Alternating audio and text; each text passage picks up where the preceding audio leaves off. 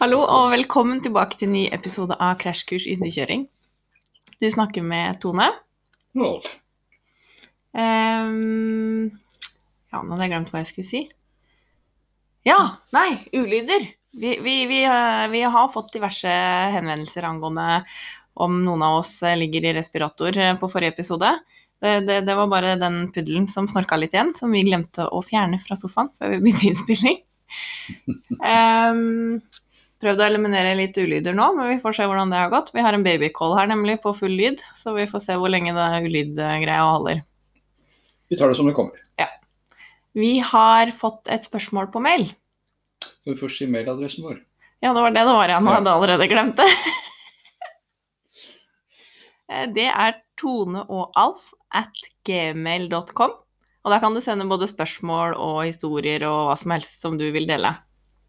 Og Grunnen til at vi har valgt å bruke eh, mail framfor en Facebook-gruppe, det er rett og slett fordi vi disse disse eviglange Facebook-diskusjonene, det, det får være på de sidene som gjør det. Og så bruker vi mail på konkrete spørsmål. Sånn er det. Og da får man et hyggelig og ryddig svar. velment svar. Velment svar, ja. Vi kan ikke sitte her og påstå vi sitter på fasit på alt. Bare nesten. nesten. Nesten gjør vi det. Men i hvert fall, du får et hyggelig svar. Så da har vi fant, vi fant ut at det var best. Jep. Mm. Vi har fått noen spørsmål. Ja, vi har to spørsmål som vi Mhm. tenkte vi skulle ta med i dag. Og da er det første spørsmålet er angående et spann med tre malamutter. Eh, problemet med disse tre malamuttene som kjøreren har, er at de eh, girer seg opp veldig før han kommer av gårde. Han får ikke starta uten at det blir slåssing. De blir kjempegira, og så slåss de. Her er det jo viktig å påpeke at uh, veldig ofte så girer jo bikkjene seg veldig om, opp, og, og det jeg kaller for nafser på hverandre. Men det er ikke slåssing. Eh, så vi skiller mellom det. Altså slåssing, da ja, Det vet dere jo sjøl at det, det er ikke noe kult. Det kan bli blod, og det kan bli skader, og det må unngås for enhver pris. Eh, hvilke råd har vi til han, hun, den? Jo, eh, vi har vel tenkt at For det første må man ha, som i all trening, tid. Og Tiden i dette tilfellet skal brukes til å ta en seksspannsline, så man har alle tre etter hverandre. Eh, Og lina er da festet til begge ender. Forhåpentligvis er den ene enden festet i en eller annen treningsdoning som er eh, adekvat til et trespann med malamutter. Og den andre enden er festa til et gjerde eller stolpe eller hva man vil, så man har god tid til å spenne opp disse muttene. Og så lar man de stå der en stund. Knurre og, og, og snu seg og gjøre det man kan. Eh, og så eh, kjører man av gårde. Når man så eh, etter hvert kan sette to sammen, så anbefaler vi da at man har en person med seg. Og starter ut så sakte at den personen kan gå eller løpe ved siden av de to første bikkjene. Og gjør ett av tre. At man når dette blir, hvis dette blir bulking igjen, så tar man den ene ut av spannet og setter den på kjettingen eller bikkjegården på den turen. Eh, og nummer to, at man, den som løper ved siden av, har kompetanse og evne til å holde disse fra hverandre. For som regel så er dette akkurat i startfasen. Ja, den, er- altså, i, den, I den mailen så står det beskrevet sånn at uh, han sier ikke noe om at det er slåssing når de er på tur, eller når de stopper ute på tur, men at det er startfasen som er problemet. Ja. Det er høyt stressnivå, mest sannsynlig. De har, det er mutter som har veldig lyst til å ut og trene, høres ut som. Så litt av poenget her, som du sier, er jo god tid å prøve å få inn det her med at det hjelper ikke å stå og herje, nå må dere vente. Ja, det er iallfall vårt råd. Eh, dessverre så er det jo sånn noen ganger at man har hunder som eh, av ulike årsaker slåss, og så eh, når man har kommet i gang. Og dessverre så er det sånn at noen ganger så må en hund uh, avvikles, selges, lånes, uh, tas bort. Fordi at den ikke gir seg med, med denne, denne slåssinga. Mm. Og slåssete bikkjer, det skal vi ikke ha i spannet. Det er, jeg er redd slåssete bikkjer. Eh, vært altfor mye skade på det. Både på meg og på bikkjer. Så det er ikke aktuelt å ha det på spannet over tid. Det kan nevnes at det, det er jo eh, ikke til å stikke under en stol at det kan hjelpe å kastrere en hund. Eh, og jeg vet at ikke alle, men en del veterinærer godtar det at bikkjene slåss som en dyrevelferdsmessig årsak til å kastrere hannhunder. Hvis man kommer og man sier det at uh, disse hundene de slåss, og jeg har ikke lyst til å kvitte meg med de, men problemet er at hver gang vi skal trene, så går de på hverandre, og jeg vil gjerne prøve å kastrere, så er det mange veterinærer som vil si ja til det. Nå er det jo ikke alle som har lyst til å kastrere hannhunder, av eiere, da, uh, av andre årsaker, men det, det, går an å prøve det hvis man er villig og, og hvis man har en veterinær som godtar det som dyrevelferdsmessig årsak, da. Så var det et spørsmål til. Ja, det var eh, en malamutt malamut til Ja. som hadde hatt veldig mye flått i år. Eh, og spørsmålet var om det går an å teste for, det, for dette. Og det er ikke noe, noe voldsomme greier. Det, er blodprøve som kan sendes til Tyskland. Uh, og det er ikke noe kjempedyrt. Og det er ikke noe vanskelig å sende til Tyskland. Det er sånn som vi gjør alle veterinærkontorer omtrent med en del prøver. Så en del prøver vi sender til Tyskland uansett. Så det er ikke noe big deal, og det er ganske greit. Uh, og, og hvis du har slitt med mye flått, så er det også ganske fine preparater for å unngå det. Vi har piller som varer i tre måneder. Du har sånn spot-on til å dryppe på.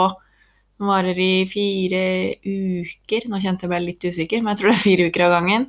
Eh, og så har man også en sånn eh, Fins også noen sprayer som du sprayer på når du skal ut.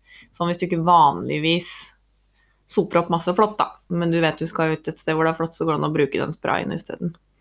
Så det Det var de spørsmåla vi hadde denne gangen her. I dag skal vi jo snakke om trening. Trene om snakking, holdt jeg på å si. Vi kunne gjort det, men Vi skal ut og trene hund. Ja. Og så har vi snakket om utstyr, og vi har snakket om det ene og det andre. Og så kommer vi med en uh, oppfordring, og det er at dere som er helt i, i, i, på scratch når det gjelder kompetanse og kunnskap, eh, sjekk eh, Norges Hundekjøringforbunds eh, nettside, sleddogs.no. Eh, finne ut hvor det er et arrangement, et løp, barmarksløp, eh, hva som helst. Reise opp dit, se hvordan eh, utstyret er satt sammen. Se på liner, se på feste, se på kroker. I det hele tatt, se og spør. Når du har gjort det, så er det, som vi har sagt eh, 20 ganger før, det å ha en leder er alfa og omega for et lykkelig liv. Det å ha en leder det som kan stå og holde lina stram, eh, og som kan eh, Som ikke løper tilbake mellom beina dine og sånn, det er eh, et must når man holder på med dette her. Med leder så mener vi også hunder som vil løpe foran deg. Mm. Uansett hva du nå velger å stå på, enten det er ski eller sykkel. altså Bikkja må løpe, har lyst til å løpe foran deg. Og Det er en forutsetning. Og så skal den trekke. En fordel, ja. ja. også en fordel. Det er en trekkhund du har tenkt å skaffe deg, eller har. Og tommelfingerregelen for å få en hund til å trekke, det er at du iallfall har en tro på at denne hunden ønsker å gå forover. Bevege seg forover.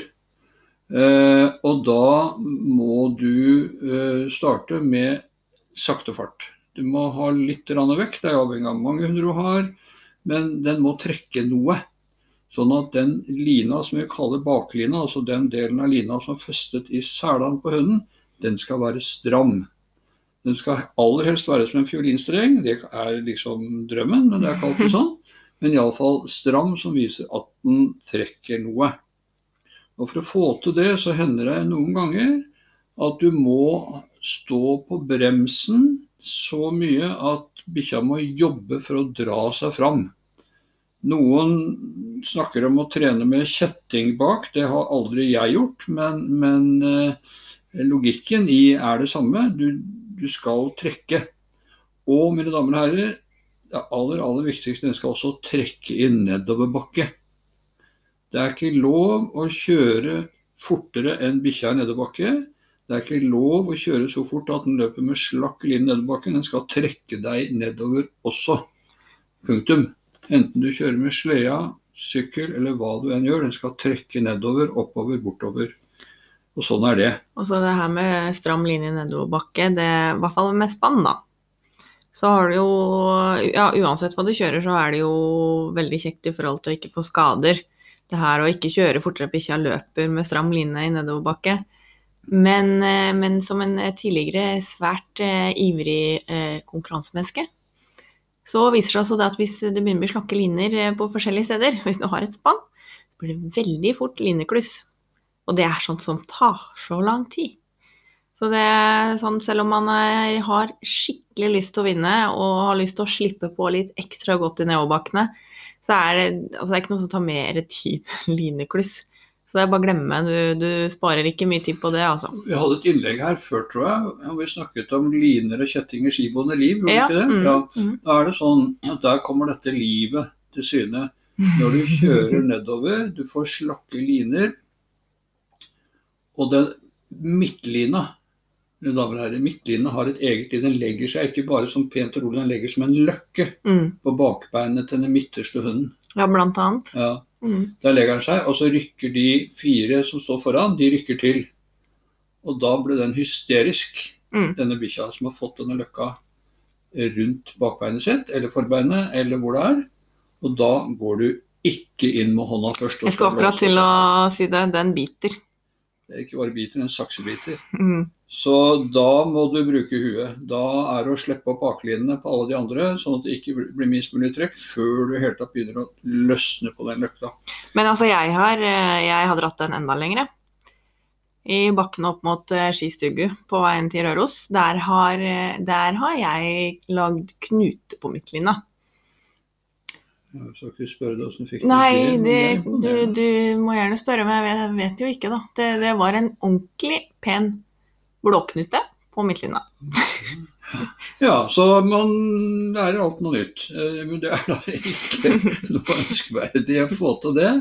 Eh, Men, men, eh, men akkurat den der greia når ting skjer, så før dere liksom i panikk eller på annen måte stuper inn og skal løse ting, løsne eh, trekklinjene eh, for å få oversikt over situasjonen. Og det her gjelder jo andre typer linekluss òg. Ja, ja, løsne. Løsner litt kroker, så går ting litt Ja. lettere. Og Det hender også at dere møter en hindring i veien, et nedfallstre, et eller annet som gjør at dere må snu.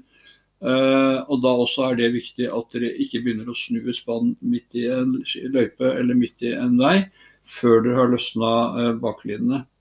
Jeg har sett noen eh, uhell på det som ikke er veldig ålreit. Eh, men vi er tilbake til dette med trening. Kommandotrening. Trening av en lederhund. Hvordan gjør vi nå det da? Altså, Er en lederhund født til leder, eller kan man lære opp en leder? Ja, selvfølgelig kan man lære opp en leder. Og selvfølgelig så er det noen hunder som av genetiske årsaker og andre gjerne er imponerende til å gå foran fra første dag. Men, men ikke drøm om at du får tak i en sånn hund første gang. Nei, for jeg har fått beskjed på foredrag om at alle Det ble spør, spurt i salen om, eh, om eh, hvordan man lager, hva man gjorde for å få bikkjer til å bli ledere.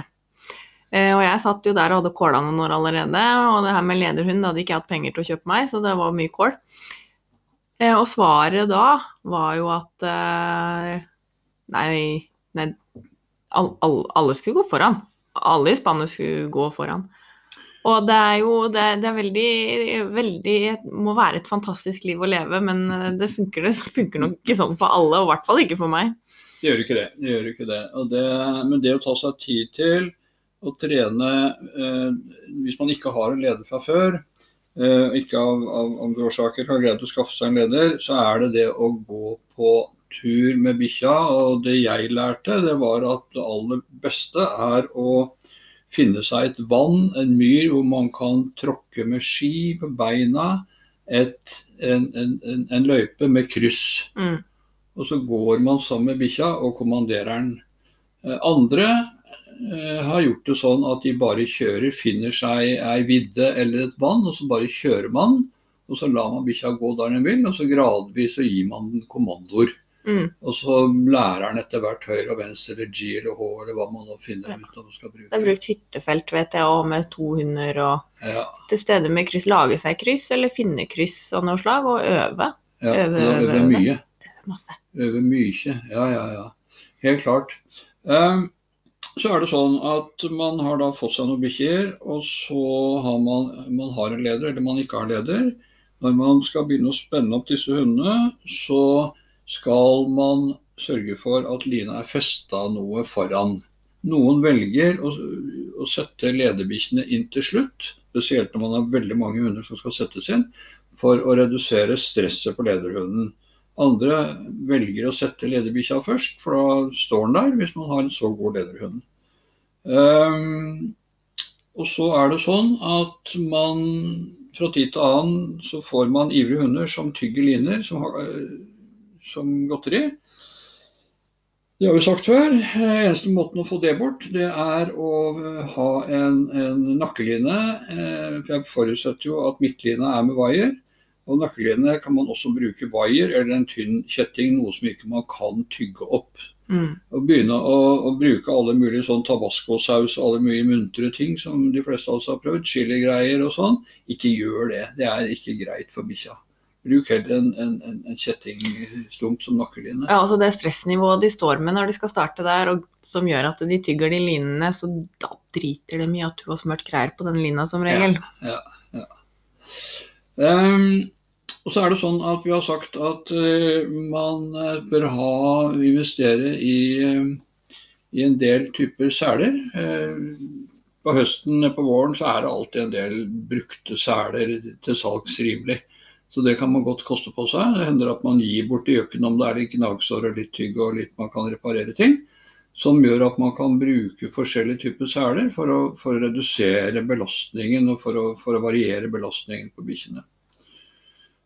Så har man dette her med Da har man liksom kommet i gang. Man har utstyret, man har fått festet dette, man har denne doningen av en eller annen slag. Og så skal man kjøre, og så er det da hvor langt skal jeg kjøre, hvor ofte skal jeg kjøre?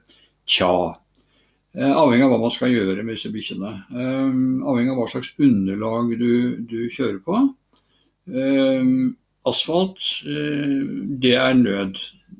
Det er en sånn nødløsning. Hvis man må, så må man, og da må man være veldig forsiktig, for asfalt er ikke ålreit å trene på. Nei, det er hardt for poter, og det er hardt for kropp. Og og hele pakka. om man er svipper innom asfalten på et eller annet tidspunkt, eh, så er liksom ikke det noe krise. Men å kjøre en treningstur på asfalt, det er ikke tingen, altså. Nei, det er ikke det. Um, starte rolig tempo når man starter et eh, spann som skal gå litt langt. Ehm, så 10 km i timen, grei tommelfingerregel. Kan variere godt til 12-13. Eh, Men å starte i full guffe, om du da har tenkt å bli sprintkjører, spiller ingen rolle. Bikkja må være komfortabel, den må trekke. Så start i rundt 10 km i timen. Start gjerne 3-4-5 km maksimum, kanskje bare 3 km. Eh, det første, første tida på høsten. Og så eh, øke dette opp til en 6 km. Hvor ofte skal du trene, hvor, når skal du øke? Ja, Det avhenger av hvor, hvordan bikkjene er. Voksne bikkjer ser ut til å like dette her. Du kan godt prøve på en 6 km. Ser du at den fortsatt trekker og har det moro, og ikke ligger som et kadaver når det kommer i bikkjegården, da, da er jo det greit. Eh, De gamle tommelfingerreglene var å trene tre dager og en dag fri, trene to dager og en dag fri. Her er det litt opp til din situasjon i livet, hvordan du kan trene. Hvor lenge kan jeg stå, la bikkjene stå uten trening? Her er det jo litt diverse teorier ute og går. Vi snakka om det litt før i dag, faktisk. Og, og vi Akkurat nå, vi trener ikke på sånn superhøyt ambisjonsnivå og trener annenhver dag. Og det funker bra for oss. Vi syns det er ålreit, og bikkjene har alltid overskudd. Og det er hyggelig og lettere å gjennomføre. Noen trener slavisk to dager på en dag fri, tre dager på en dag fri. Og det er også de her som praktiserer at hundene skal ha like mange dager fri som de har gått. Og da er det liksom snakk, i, snakk om opp i åtte dager på, åtte dager fri. Eh, og, og, det har vært gode kjørere som kjører Iditarod, som har drevet med det her og har, det har fungert, liksom.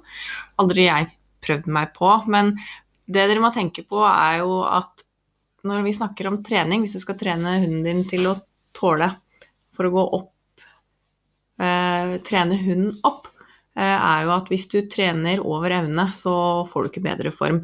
Altså du, når du skal trene hunden, så skal du trene den så den blir sliten, men blir den for sliten, så bygger du bikkja ned istedenfor å bygge den opp. Og derfor er det da litt sånn hvor mye trener du, og hvor ofte trener du, hvor mye hviler du. Da må du se an, som Alf sier, du må se an spannet ditt. fordi at hvis du kjører spannet ditt ned når du skal trene dem opp, så får du problemer. For du får dårlig treningseffekt. Og det hjelper ikke å trene ti dager på i det med en dag fri eh, hvis den blir for slitne. Fordi at da ambisjonsnivået er på topp, og du er supergira, og du har ikke små barn, og du har en jobb som er lettvint å kjøre bikkjer til. Eh, men det hjelper ikke hvis du overtrener bikkjene, for det, det blir ikke noe morsomt. Det er ikke noe gøy for bikkjene heller, det skal være moro. Det skal være moro for deg. Og så er det jo et punkt om løpstrening. Jeg veit ikke om vi skal Jeg skal ikke si så mye om det her, for det er liksom en kategori for seg. Eh, la oss si at du av en eller annen merkelig grunn finner det for godt å ha som ambisjon å kjøre et langt løp. Da snakker vi 40-50 eh, mil. Altså det korte Femund eller det korte Finnmark. Eh, hvis det er drømmen din, da er du oppe i en helt, helt annen kategori trening. Da er du oppe i eh, en avklart familie- og økonomisituasjon som gjør at du når du kommer ut i september, eh, oktober, så må du regne med å ha noen dager i uka to økter og kommer du uti november, da trener du langt og du trener to økter eh, i døgnet. Da kan du liksom glemme å kjøre barn i barnehagen og gå på foreldremøter. Da er liksom den greia mm. lagt på is. Hvis ikke dere er to til å trene. Eh, sånn at uh, det kan vi godt snakke mye om, det der. Men, men uh, uh, nå er det det derre Vi starter opp, og vi skal ha det moro. Og vi skal trene såpass at vi kanskje kan være med på et eller annet arrangement, enten det er noe sprint barmark eller et Du har et løp som heter Gausdal femmila, som er et sånt lavterskel morsomt løp. For å se der kommer mange både seriøse og mindre eh, konkurransemindede mennesker og, og, kjører. Og det er et veldig morsomt løp, eh, fem mil oppe i Gausdal Vestfjell i romjula. Eh, man kan prøve seg og, og se hvordan, hvordan spallet sitt er i forhold til andre. Eh, Jeg tenker Når vi nevner det, så også eh, noe som du har hatt lengre tid på snø på deg, er jo f.eks. Eh, Jotunheimløpet. Som ligger på rundt fire mil eh, inn, overnatting og fire mil tilbake igjen. Mm. Eller sånn som Seppala, hvis, hvis, du er en av de her gærningene som syns at telt om vinteren er helt ok. Eh, det også er vel jeg vet ikke, rundt tre mil, og så overnatting. Og så har du disse løpene oppe Gåsbu for de som er her på østlandsområdet. Men som sagt, sjekk, sjekk på, på, på sledog.no. Og så ser du under arrangement og terminlista der hvor, hvor det går løp og arrangementer. Mm. Eh, dette med, med Vi har snakka litt om ledebikkjer, vi har snakka litt om, om sånn tommelfingerregel. Eh, har du flere bikkjer, så, så sørg for at du plasserer bikkjene på forskjellige plasser. Sånn både under trening og, og fra treningstur til treningstur. Lar de gå både foran og bak, på høyre og venstre side. Eh, og ikke minst, stopp underveis. Eh, gjerne ha med deg vann. Eh, må ikke, men, men, ha med vann, en liten snakkebit. Så de venner seg til å drikke og venner seg til å ta imot snakking. For det er fint å øve på, for da gjør de det på løpet og lettere. Absolutt. Og jeg, sånn, jeg syns det er kjempeålreit å ha med vanning på høsttrening når vi begynner på Og vi begynner på tre kilometer. Men eh, de aller fleste av dem er takknemlige for å få vann, i hvert fall første to ukene. De er supergira, de er varme. Så er de jo kjempetørste. Mhm. Og da på tre kilometer, da, så i hvert fall første to ukene, så er de jo De har stort sett stått gjennom sommeren eh, ofte. Det er varmt og vanskelig å få trent hunder, i hvert fall hvis man har veldig mange og det ikke er lett å gå og svømme de en time av gangen. Det vet jeg, Hvis man har to, tre, fire, så er det jo mange som gjør det. Men sånn som den gjengen her, så stått om sommeren og bare løpt litt løs. Mm. Da er de veldig takknemlige for å få vann, selv om du kjører kort og ikke veldig fort eller noe sånt. Nå må det bare skytes inn at Tone og jeg bor oppe i Rendalen. Der har vi den salige eh, opplegget at her går det ikke sau og, og kyr i Mm. utmark. Så store deler av vårt treningsnedslagsfelt er fritt for sau og ku. Det betyr at hvis vi er litt godt kjent, så har vi muligheten for å trene bikkjer litt løs hvis du er ganske trygg på at de kommer på innkalling. Vi trenger ikke være redd for, for sau mange steder. Ikke overalt, men mange steder. Eh, derfor så bare sier vi det, at husk sau og trekkhunder er en dårlig kombinasjon. Selv om eh, Ja, sånn er det. Ehm, ja, så er det det der, der da, at i løpet av høsten, i løpet av øh, denne tida, så oppstår det Plutselig så ser du en hund som er halvt. Hva gjør du da? Vi snakka litt om det på denne helse... Det gjorde vi. episoden, og jeg er jo en av de som har lav terskel, om det er fordi jeg, for å få den sjekka. Og det er, jo, det er jo selvfølgelig litt fordi at jeg har litt lett tilgang på veterinær, men det er også fordi jeg er, jeg er en litt sånn bekymret sjel også, da. Eh, og hvis du er en litt bekymret sjel, så er det, er det veldig greit å få det sjekka, så slipper du å lure. Eh, men vi har jo den her eh, Er de halvt én dag, så skal de stå tre dager. Og da er det snakk om da er de halvt bare den dagen du ser haltingen én gang. Er den halvt da når du kjører den igjen, så er det tre uker eller sjekk. Eventuelt at den er halvt mer enn bare den dagen du ser haltinga i første omgang. Um, så er det jo noen uh, sånne eldre kjørere som sier det at det, hvis, hvis bikkja har halt, så har du ikke gjort jobben din. Og den er det er alltid vond å ha hørt den når man har en halvt hund, og jeg, eh, jeg syns den er skikkelig slem. Men Ja. det er ikke alltid Det er ikke lett å oppdage ting før hunden halter. Men, men som vi også snakka litt om det her, å være litt flink til å ta på bikkjene. Eh, ikke bare klapp på hodet, du skal kjenne over de, og når du, når du går, går over og tar av sela, så kjenner du over du kjenner over bikkja litt, og du klemmer litt på bikkja. Og, og det gjør, gjør at du kan oppdage en del ting før hunden kanskje ødelegger seg ordentlig. Det er sant. Eh, og det å kjenne at en muskel er veldig varm og hard, eller at du faktisk da klemmer sammen håndleddet litt når du tar av selene, ikke bare løfter beinet. Eh, oi, litt øm, ja. Ok, men da kan du stå. Selv om hunden ikke har vært halvt ennå. Det er veldig kjekt. Eh, men, men ting skjer, og man får halte hunder, altså. Og, og da er det mm, å gi dem fri, og gi dem nok fri, eller å, å få en sjekk, da. Sånn er det. Um, ja, en ting til som jeg så på Facebook her. Um, det med å snu et spann på vei, altså på en smal vei. Um, ja og nei. Det er greia at hunder er et vanedyr. Og vi har hatt Sjøl har jeg hatt uh, trent på, på veier hvor det ikke var noen sånn naturlige snumuligheter, og begynte å snu spannene på veien.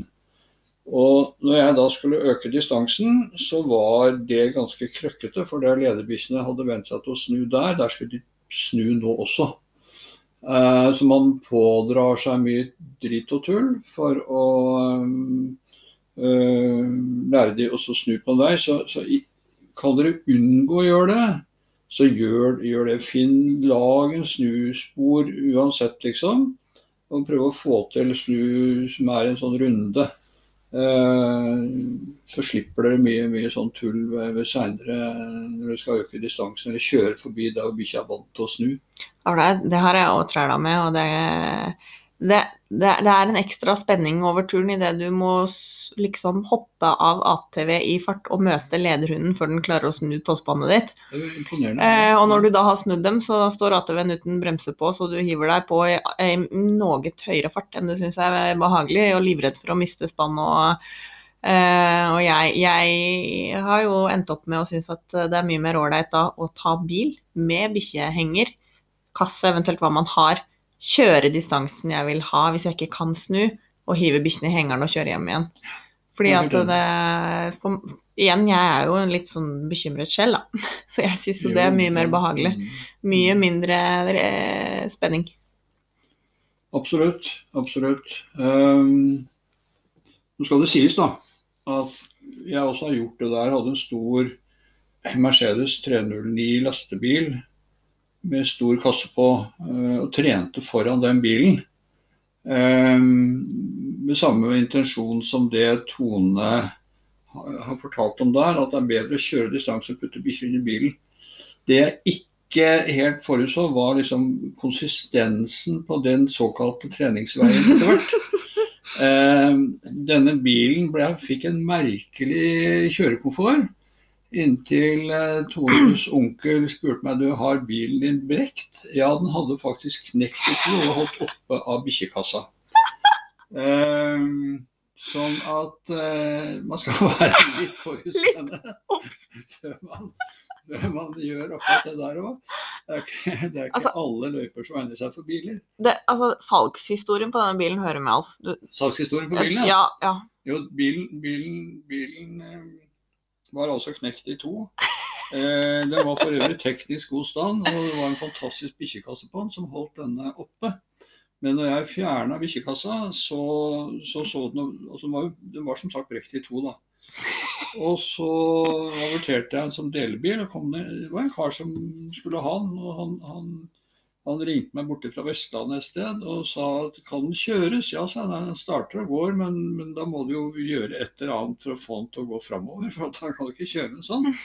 Nei, det skulle han ordne. Så jeg var ikke til stede da, men Tones far var til stede da han kom og ba om hjelp. Og han fikk da hjelp til å løfte bilen opp med traktoren, så den ble i vinkel, altså sånn at den skal se ut. Og så tok han to svære jekkestropper i bilens lengde og jekka den sammen og kjørte. Til Jeg har aldri turt å ringe og spørre åssen det gikk.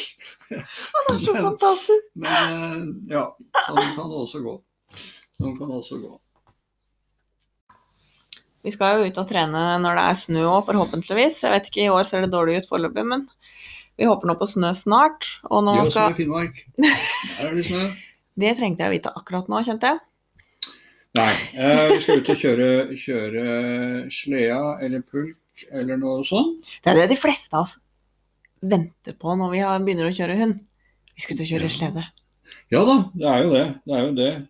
Eh, en, en, en viktig ting når du skal begynne å, å, å dra ut med, med, med hunder, og det har vi sagt før, og vi gjentar det gjerne, ha med deg noe å drikke og noe å spise på. Ja. Det er ikke alltid du kommer hjem til den tida du hadde tenkt. Eh, og så har du tid. Det å rekke noe og bare smette inn en bitte liten treningstur før du skal på foreldremøte eller noe sånt, du må jeg gjøre, det som et unntak, men ikke gjør det til en vane.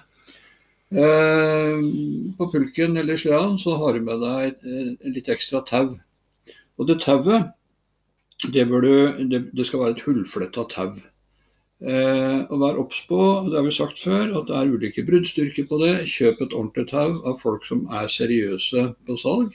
De har faktisk en del brukbart på Biltema akkurat av tau. Og så er det en annen ting de har på Biltema som faktisk funker, og det er sånne panikkroker som lages for båt.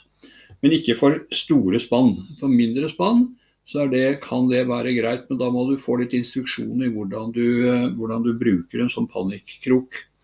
Eh, Du må lære deg å, å, binde opp et spann med en slippknute som gjør at du Du skal vel ikke gå inn på hvordan du gjør her, det må du få noen til å lære deg.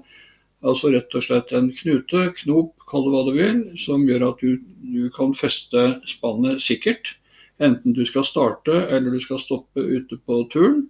Eh, Det å satse på mange bikkjer og ha bare ankere som graver seg ned i løssnøen, er eh, utrygt for mange. Eh, det det skal være obs på, som jeg lærte the hard way, det er at det finnes noen ganger hvor du liksom mangler det der hullfletta tauet. Så du, du, skaffer deg et billig tau. Du har liggende et tau et eller annet sted i garasjen eller noe sånt. Noen av de tauene de, de er sånn at Og jeg hadde da et stort spann som jeg kjørte for en annen. Eh, hadde hele utstyret, også da bil og henger og hele pakka. Og han hadde sagt noe som jeg ikke helt huska da, nemlig at vær litt obs på at de bremsene på den hengeren, dette var en svær henger, de er ikke helt gode. Det jeg gjorde da, når jeg skulle spenne opp dette 16-spannet eller 18-spannet, eller hva det var, det var selvfølgelig å feste dette spannet i denne hengeren. Og står der med eh, den siste bikkja. Og så står jeg under slippknuten, og så er dette tauet ikke akkurat sånn som det skulle være. Så den slippknuten, den løsner ikke. Derimot det som løsna, var hengeren. Så da når du står der med 16-spann og en litt skrå nedoverbakke og en svær henger, og den er svær altså, den kommer etter deg.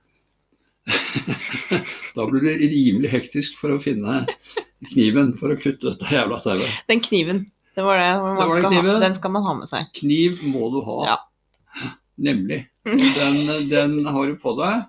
Du har den ikke festa på sleden. Du kan godt ha en på sleden nå, men, men du skal ha den på deg også.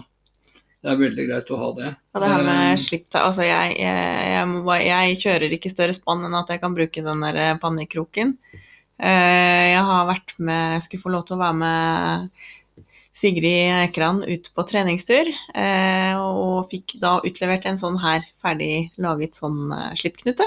Det har jeg da ikke brukt. Eh, Og Sigrid slipper sitt spann og av gårde med masse bikkjer. Og jeg kom ikke løs, og der sto jeg aleine. Og Sigrid kjørte, og jeg, jeg dro i den knuten, og jeg fikk det ikke opp.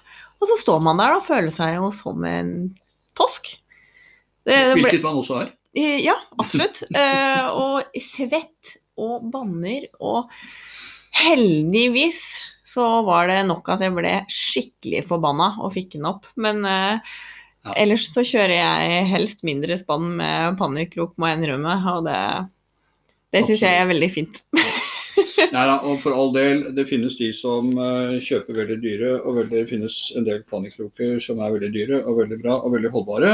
Men, men, eh, men eh, da må man liksom Obs, obs, obs. Alt av sånne metalldingser, det er ikke billigvarer. Det er ikke noe man Akkurat de der pannekrokene panikrokene på Biltema for båter og for mindre spann, helt OK. Men vær obs. Vær obs. Det er forbruksvare. Man skal, de skal byttes. Eh, trening med, når man da kommer på snø, det er sånn at da må man være ekstra obs. fordi det er jo kjempemoro å slippe bremsen. eh, Oppstallinga, alt er godt, eller du ikke gått så bra, men uansett så er du på sporet. Og så dundrer det i vei, gitt. Eh, det som er min erfaring, det er at spesielt de første gangene på snø, det er da det, er da det som kan gå galt, det går galt da. Ja. Vær obs på det. Vær ekstra obs.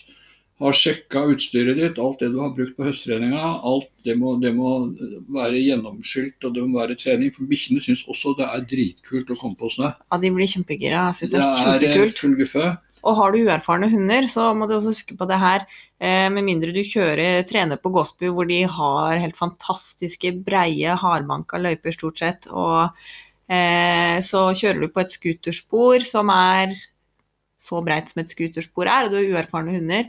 Hvis du kjører fort, og de her bikkjene ikke er vant til å, å skjønne at det er lurt å holde seg på løypa, da kan du få noen skikkelig stygge overraskelser. Fordi det én av si åtte hunder stuper i djupsnøen ved siden av det sporet, og du lar de løpe, gasse på, det er kjempegøy. Du syns det er gøy, bikkjene syns det er gøy. Du har høy fart, og det nøkket i nakken på den bikkja, det er ikke noe deilig. Mm. Så det er litt forsiktighet eh, både med de første turene på snø sånn generelt sett, og det her med hunder som ikke er vant til at tråkker du utafor her, så er det ikke noe. Og så er det sånn at uh, når du starter det er snøen har kommet, uh, noen er drevne og uh, hei sann og hopp sann, kjøre omtrent på rim med sleda. Jeg vil ikke anbefale det. Sørg for at du har, har og vi pleier å si at sørg for at du har eh, ankerfeste. Mm.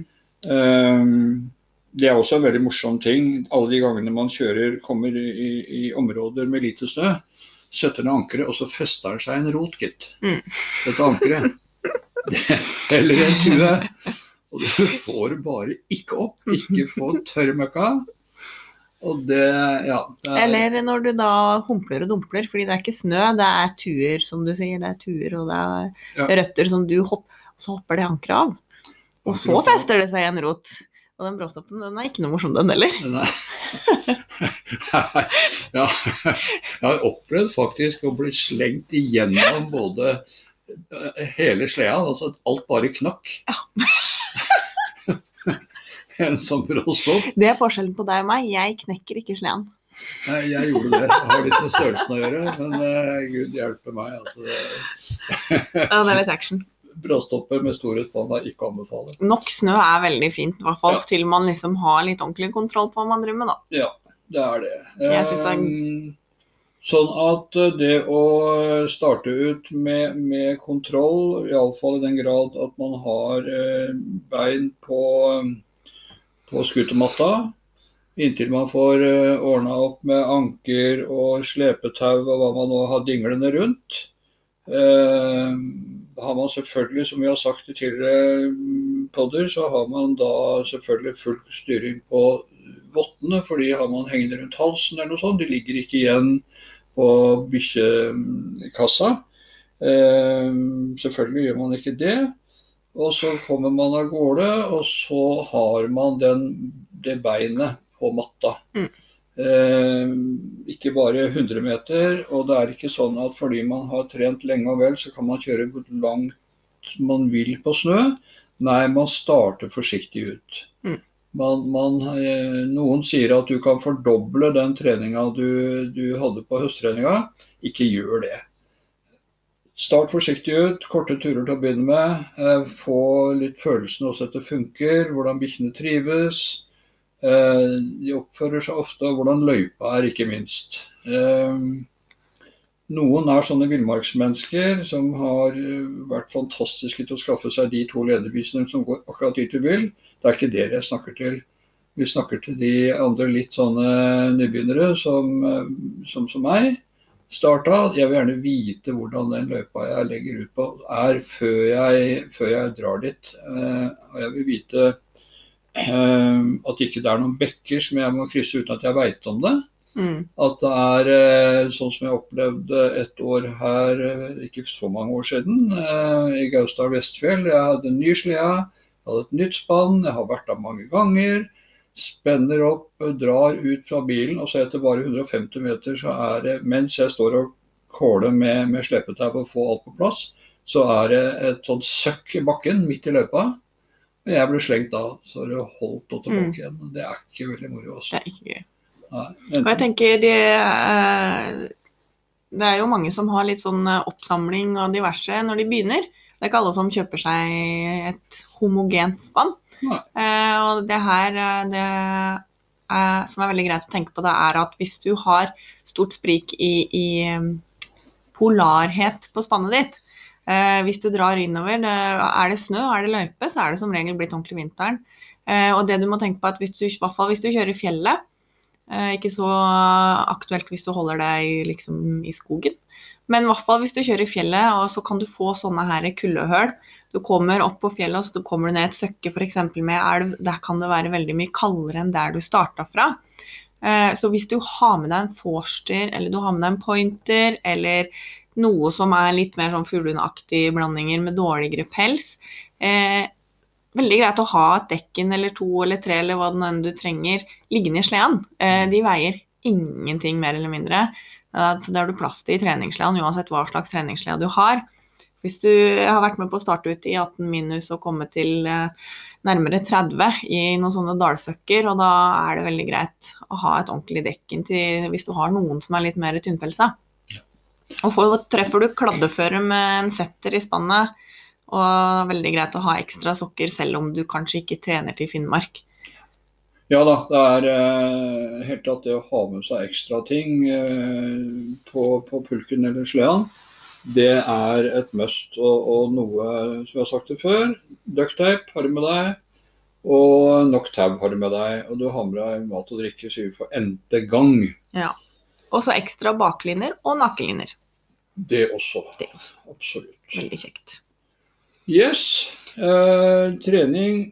Du sier hvis vi skal Tror jeg vi skal gi et lite godt råd. Hvis dere dropper den der treningsbegrepet i huet deres og sier at jeg skal ut med bikkjene og lærer dere å være på tur, dvs. Si, å bruke de tingene dere har med dere, eh, så tror jeg at ting kan bli mye hyggeligere. Mm. At du kan ha det samme, bruke de samme treningsappene, du kan bruke akkurat det samme treningsopplegget. Men, men det å lære seg å ha tid Mm. når du er ute, Kose seg. kose seg, Mm. ja det er det altså. Mm. Det, da blir ting eh, Da blir det ikke sånn katastrofe om plutselig det løpet du har tenkt å, å kjøre blir avlyst. Da er du ute og, og, på tur med bikkjene likevel. Mm. Mhm. Ja, men da tror jeg vi kommer til veis ende i dag. Ja, vi kommer jo alle til veis ende når vi gjør dette her, men, men iallfall for denne gang så gjør vi det. Jeg skal ut og gå tur med valpene, nemlig. Kos dere. Eh, neste gang så tenkte vi at vi skulle prøve oss på fra paring til trekkhund. Oi, det skal vi. Stort tema. Det blir sikkert en eh, fin og lang episode igjen, det. Ja, ja, ja. ja. så da blir det det for alle dere som lurer på det. Lykke til. Ha det!